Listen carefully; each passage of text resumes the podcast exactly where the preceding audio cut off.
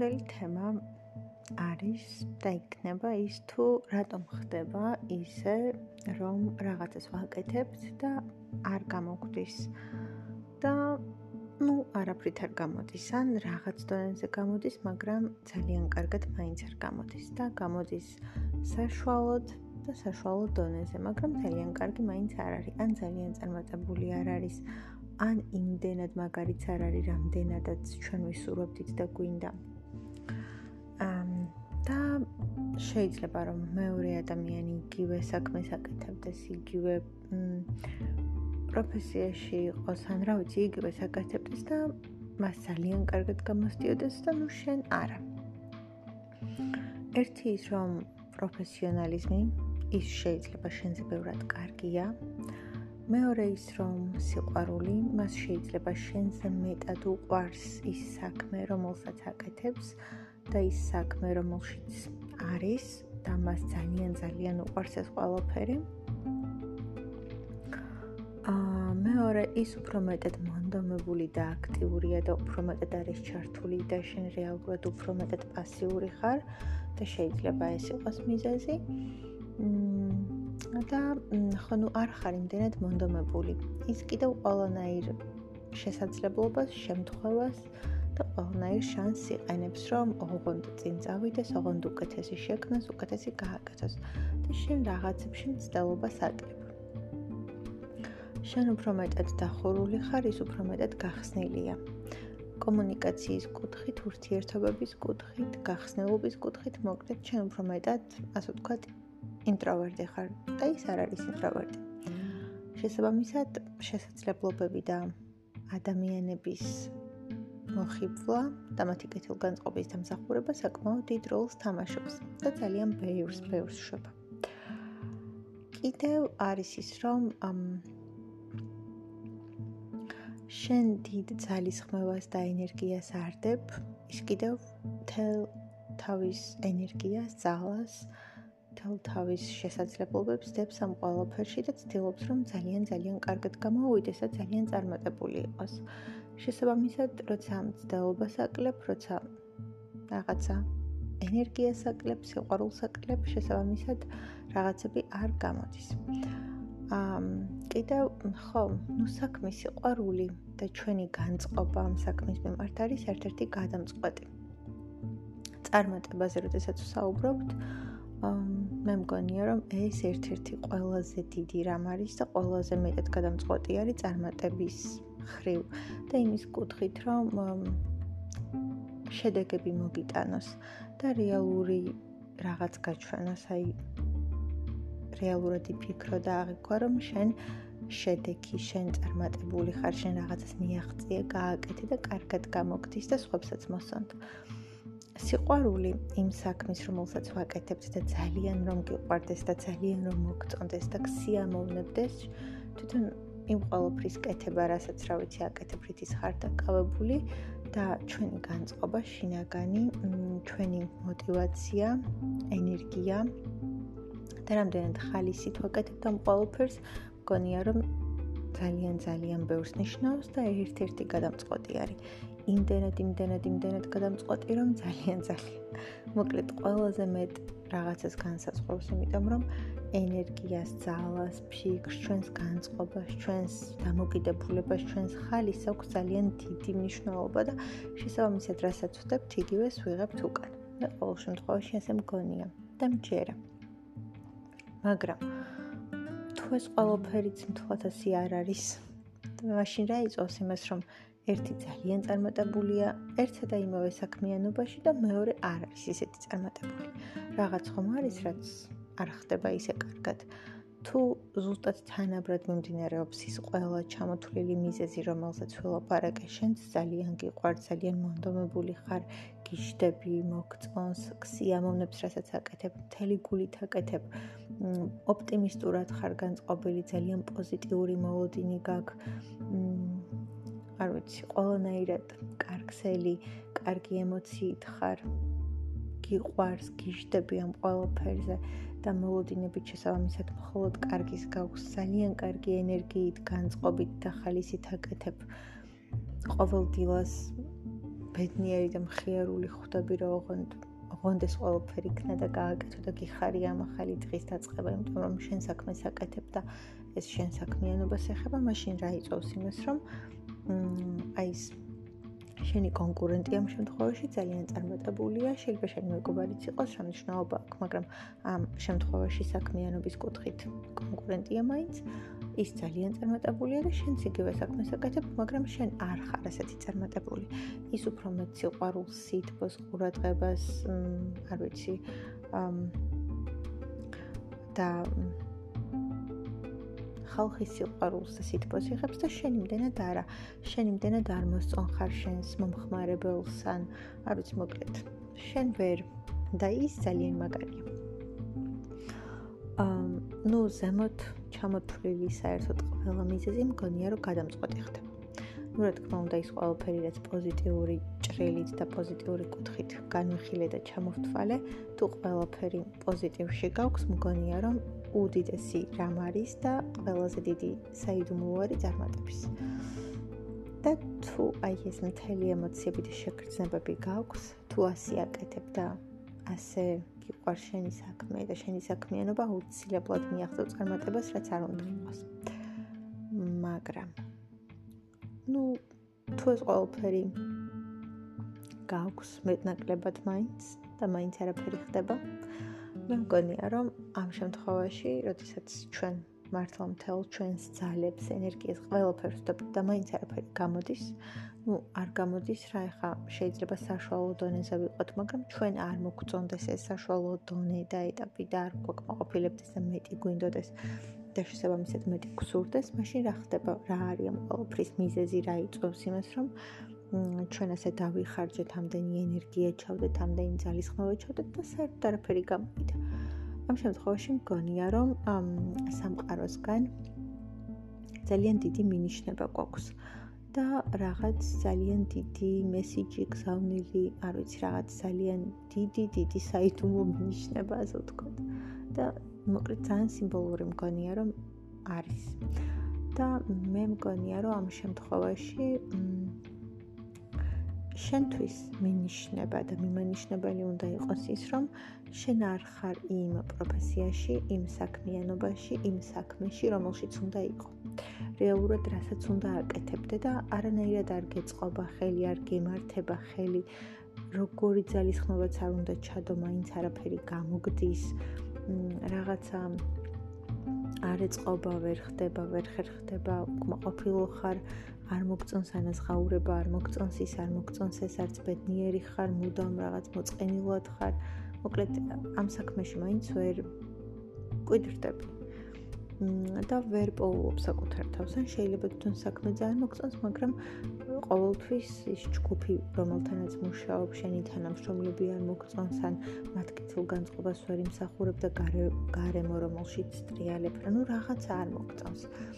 და ნუ არ გამოდის ყველაფერი ისე როგორც გინდა რომ გამოდიოდეს, როგორც იქნებოდი ბედნიერი და მოყოფილი და ნუ მუდმივად ეჯახები პრობლემას, დაბრკოლებას და მუდმივად რაღაცა არის უსიამოვნო შეგრძნებასავით და ვერ აღწევ მიზანს, რომელსაც გინდა რომ მიაღწიო რეალურად და ვერ იღებ იმ შედეგს, რომელიც გინდა რომ რეალურად მიიღო. და თუნდაც ანაზღაურებით არ ხარ კმაყოფილი, იმიტომ რომ ძალიან დიდი მიზნები გაქვს, ძალიან დიადი სურვილები გაქვს და ამ ყოველფრის გასაკეთებლად და ასასრულებლად ის ანაზღაურება და ის ხელფასი რაც გაქვს არ არის ეკმარისი. მე მგონია რომ ამ შემთხვევაში არის მინიშნება ყველანაირი ცხოვრებისეული და თავად სამყარო ვერ დაგველოპარაკება და შესაბამისად სამყარო გველოპარაკება ნიშნებისენით მე ასე მგონია და ასე მჯერა.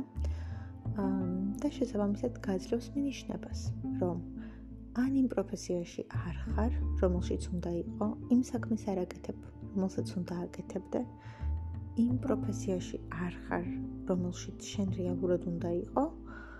ან შეიძლება პროფესიაში არ იყოს პრობლემა და საქმიანობაში არ იყოს პრობლემა, შეიძლება იმ პროფესიაში ხარ, რომელშიც უნდა იყო, მაგრამ რაღაცას აკეთებ არასწორად. რაღაცა უნდა შეცვალო, ან მიდგომა, ან დამოკიდებულება, ან როგორც აკეთებ, ან რაღაც ახლებური უნდა აღმოეჩინო, გააკეთო, შესთავაზო, რაღაცა ინოვაციური მოიფიქრო, ძალიან კრეატიული. და შესაბამისად რაღაცა უნდა შეცვალო. შენი მიდგომა, შენი დამოკიდებულება, შენი რაღაცა და შესაბამისად შემდეგ მიიღებ იმ შედეგს და იმ სასრულ შედეგს, რომელიც გინდა რომ მიიღო. და სანამ ამას არ გააკეთებ, სანამ ამას არ მიხვდები და იქამდე არ მიხვალ იმ ეტაპამდე, იმ წერტილამდე, იმ მომენტამდე, რომ აი ეს ყველაფერი გააკეთო, იქამდე რაღაცნაირად წვალობ და ცხოვრებას ამყარო არ ვიცი, არაფერი არ გაძლევს იმის საშუალებას და ძალას და შესაძლებლობას, რომ შენ რეალურად მიაღწიო წარმატებას და მიიღო რეალური შედეგი, იმიტომ რომ შენ თუ ამ ძალის ხმევით უკვე მიიღე რეალური შედეგი, შესაბამისად ცვლილებითაც არაფერს არ შეცვლი. შენ ძალიან უნდა იწვალო, უნდა დაიტანჯო რავალ წარუმატებლობას და მარცხს უნდა წააწყდე და მართლა აი დაიტანჯო და დაიღალო ამ ყველაფრით, რომ მე დადგე და ძალიან დაფიქრდე იმაზე, რომ რატო, რატო ხდება ეს, რატო არ გამომდის, როცა მეც იგივეს ვაკეთებ, ისიც იგივეს აკეთებს, მას გამოსდის, მე არ გამომდის, ის წარმატებულია, მე არ ვარ წარმატებული. და ამ შემთხვევაში ალბათ არის ის, რომ რაღაცა ახლებურად უნდა გააკეთო, რაღაცა სხვანაირად უნდა გააკეთო. არა ისე როგორც ყველა. ან ახლებურად, ან ძალიან ძველებურად, ან უფრო რაღაცა ისეთი მოკლედ, რაღაცა უნდა შეცვალო, რაღაცა უნდა იყოს განსხვავებული. რაღაცა შენებურად უნდა გააკეთო. შენებურად, როგორც მთელი გულით და სულით გგონია და მოდის. ნუ ხა ყოველ საქმიანობაში შეიძლება ამ დამოკიდებულება მარც გაამართლოს, იმიტომ რომ არის ძალიან ისეთი პროფესიები, რომელშიც უბრალოდ ესია და მორჩა და იქ რაღაცა ესე ვთქვათ, კრეატიულს და განსაკუთრებულს ვერაფერს ვერ მოიფიქრებ, მაგრამ ნუ ჩვენი დამოკიდებულება განწყობა მიდგომა ადამიანებთან ურთიერთობის სტილი, მანერა, ასე ესეთი რაღაცები მაინც ყოველთვის შეიძლება რომ ცვალო. დამოკიდებულებები, საუბარი, ურთიერთობა, განწყობა, ასე შემდეგ და ასე შემდეგ ათასი რამ შეიძლება იყოს, მაგრამ მე მგონია რომ იქამდე სანამ რაღაცას არ შეცვლი, რეალურად სანამ არ მიხვალ იმ წერტილამდე და იქამდე იმ მიხვედრამდე თუ რა უნდა შეცვალო ან რა საკეთება არასწორად, რა არის მცდარი, რის გამო არ გიმართლებს, ას ნაბიჯს რომ გადადგამ და ასივე ნაბიჯი რო წარუმატებელი იქნება და კრახს განიცდი ხომ და ფიქრდე ერთხელ იმაზე რომ ეს ასივე შემთხვევა ასე მთელი გულით რომ ცადე და ყველაფერი რო ჩავდე და გავაკეთე. ასივე შემთხვევაში რატომ იყო წარუმატებელი და რატომ დასრულდა ცუდად? ესე იგი რაღაცა შეცდომა დავუშვი სადღაც რაღაც არასწორად გავაკეთე. და შემდეგ იწყება და ფიქრება იმაზე თუ რა გავაკეთე არასწორად. და შეცდომით და შემდეგ ვიწყებ გამოსწორებას და იმაზე ფიქრს თუ როგორ უნდა შევცვალოთ, როგორ და რა უნდა გავაკეთოთ, რომ გამოვიდეს კარგად და რომ იყოს კარგი. და უკვე როდესაც ვფიქრობთ იმაზე, თუ რა იქნება და როგორ იქნება და რა იქნება და რა გამოვა კარგი. მაშინ აა მაშინ მოკლედ ყველაფერი მგონია რომ აეწყობა. ან მეორე შემთხვევა არის, როდესაც მართლაც პროფესიაა ან ის საქმიანობა, ან ის რაღაცა არ არის თქვენი, თქვენ საერთოდ სხვა რაღაცას უნდა აკეთებდეთ, სხვაგან უნდა იყოთ და არანაირად არ გემართებათ ხელი, არანაირად არ გაძლევთ სამყარო იმის შესაძლებლობას, გამართლებას, იღბალს, რომ ეს ყველაფერი გამოგივიდეთ. იმიტომ რომ თქვენ სხვაგან უნდა წახვიდეთ და თქვენ რომ გაგიმართლოთ და თქვენ რომ ეს ყველაფერი კარგად გამოგივიდეთ. მაშინ აა იქ ვეღარ წახვალთ. იქ ვერასოდეს ვერ აღმოჩნდებით. თქვენ რაღაც ძალიან დიდმა ძალამ, წარუმატებლობამ, უიღბლობამ, გაუმართლებლობამ და ასე შემდეგ უნდა მიგიყვანოთ იქამდე, რომ სხვაგან გადახვიდეთ, სხვაგან წახვიდეთ, სხვა რაღაც მოძებნოთ, სხვა რაღაცით დაინტერესდეთ, იმდენად დაიღალოთ და მოგივიდეთ ყელში ის ყველაფერი, რაშიც ხართ და რასაც აკეთებთ, რომ სხვა რაღაცის ძებნა დაიწყოთ. და რატო ლაპარაკობ ამაზე? იმიტომ რომ მე თვითონაც ძალიან ბევრჯერ მქონია მსგავსი განცდა, რომ რასაც ვაკეთებ, ცუდი არ არის, კარგია, გამომდის, ძალიან კარგადაც გამომდის, მაგრამ ის წარმატება, რომელიც მე მინდა და ის მიზნები და ის შემოსავლები თუნდაც რაც მე მინდა და რომელზეც მე ვფიქრობ, ან ვუმიზნებ. ის მაინც არ მოდის.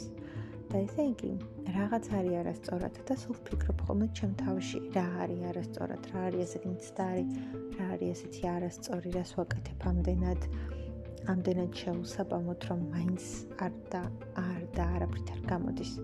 ერთი არის ის, რომ შენ სხვა რაღაცას უნდა აკეთებდე და არა ამას. მიუხედავად იმისა, რომ კარგად გამოგდის, ძალიან ბევრ ადამიანს მოსწოხარ კმაყოფილია ისა ესა. ანუ მაინც შეიძლება ძალიან კარგად გამოგდის, კარგად აკეთებ, მაგრამ შენი არ არის. ამიტომ შენ უნდა იპოვოს შენი. ან უბრალოდ ეს ყველაფერი შენია და უნდა აკეთო კიდეც ეს, მაგრამ რაღაც სხვანაირად. და სანამ არ მიხვალ იმ სხვანაირ აღმოჩენამდე, იქამდე ესე რაღაცნაირად აი სურო ცხვირს წაიმტრობ ხოლმე მსგავსი შემთხვევა არის მუდმივად ეცემი, ცხვირი უნდა წაიმტრიო, მე რა უნდა ადგე და სანამ არ მიხვალ იმ მიხვედრამდე და აღმოჩენამდე თუ კონკრეტულად რა არის ეს არასწორი და მცდარი, იქამდე ესე დაიტანჯები. და ყველაზე რთული ნაწილი რომელია ამ ყველაფერში, ყველაზე რთული ნაწილი არის რეალურად ის, რომ აღმოაჩინო და გაიგო რა არის არასწორი. კონკრეტულად რა ნაბიჯი, რომელი ნაბიჯი, რომელი ქმედება, რომელი საქციელი, რომელი მიდგომა ან დამოკიდებულება არის არასწორი. და რის გამო არის, რომ არაფრით არ მართლდება და არ ამართლებს. რის გამო არის, რომ არაფრით არ გამოგდის. და რის გამო არის, რომ ამ ხელაწარუმატებლობას ეჯახები ყოველ ჯერზე და სანამ ამას არ აღმოაჩენ და სანამ ამას არ გაიგებ, იქამდე იქნები ასე და იქამდე იქნება ეს ყველაფერი ასე. და სანამ არ შეცვლი შენს დამოკიდებულებას და შენს მიდგომას, ყოველ ჯერზე წააწყდები იმას, რომ არ გამოდის, არ გიმართლებს, რაღაცა არ მოგწონს, რაღაცა არ გაგმოყოფილებს. და აუცილებელი არის, რომ მიხვიდე იმ ეტაპამდე, როდესაც ზუსტად მიხვდები რა და რა არის ეს, რაც მოითხოვს, ასე ვთქვათ, სამყარო შენგან, რომ რა უნდა აკეთო, სად უნდა იყო და როგორ უნდა აკეთო, იმიტომ რომ შეუძლებელია ძალიან დიდი ძალისხმევას, ძალიან დიდ ენერგიას, მონდომებას, სურვილს, სიყვარულს, ყველაფერს და განწყობაც ძალიან პოზიტიური გქონდეს, ხალისით აკეთებდე ძალიან ენერგიით, ძალიან დიდი პოზიტიური განწყობით, აი ძალიან პოზიტიურად იყოთ განწყობილი, ოპტიმისტური მოლოდინები გქონდეთ, ყველაფერს აუკეთესოთ, საუბრობთ ცუდზე და ნეგატიურზე, არც გფიქრობდეთ, არც უშვებდეთ, რომ რაიმე არ გამოვა ან წარუმატებლობა იქნება და მაინც ყოველჯერზე პრახს განიცდით. ვიდეთ. ამიტომ მე მგონია, რომ რაღაცა სამყარო ასეთ შემთხვევებში გაძლევს მინიშნებას, მინიშნებას რაღაცაზე, რომელსაც ბოლომდე ვერ იგებ და ვერ კითხულობ და ყველაზე რთული ნაწილი მაინც ის არის, რომ ეს მინიშნებები რეალურად ჩვენს სწორად წავეკითხოთ და ამოხსნათ. იმიტომ რომ ამ ყველაფრის წაკითხვაში შეიძლება შეცდომა დაუშვა და ძალიან დიდი შეცდომა დაუშვა. ანუ რეალურად შეიძლება იგულისხმებოდეს ასე ვთქვათ ის რომ შენ რეალურად აქ უნდა იყო ამ საქმეს უნდა აკეთებდე ეს არის შენი მაგრამ რაღაცა სხვანაირად არა ისე როგორც მაგალითად ყველა. რაღაცა შენებურად. და აი ეს გქონდეს მისაგნები ან შეიძლება საერთოდ არ უნდა იყოს ამ პროფესიაში და ეს უნდა იყოს შენთვის ძალიან დიდი მინიშნება და ჰინთი რო აქ არ უნდა იყოს. მაგრამ რეალურად აი ეს რომ აღმოაჩინო ზუსტად მიხვდე და გაიგო ეს არის ყველაზე რთული ნაწილი. გესურვებთ წარმატებებს. ძალიან ძალიან დიდ და ბევრ წარმატებას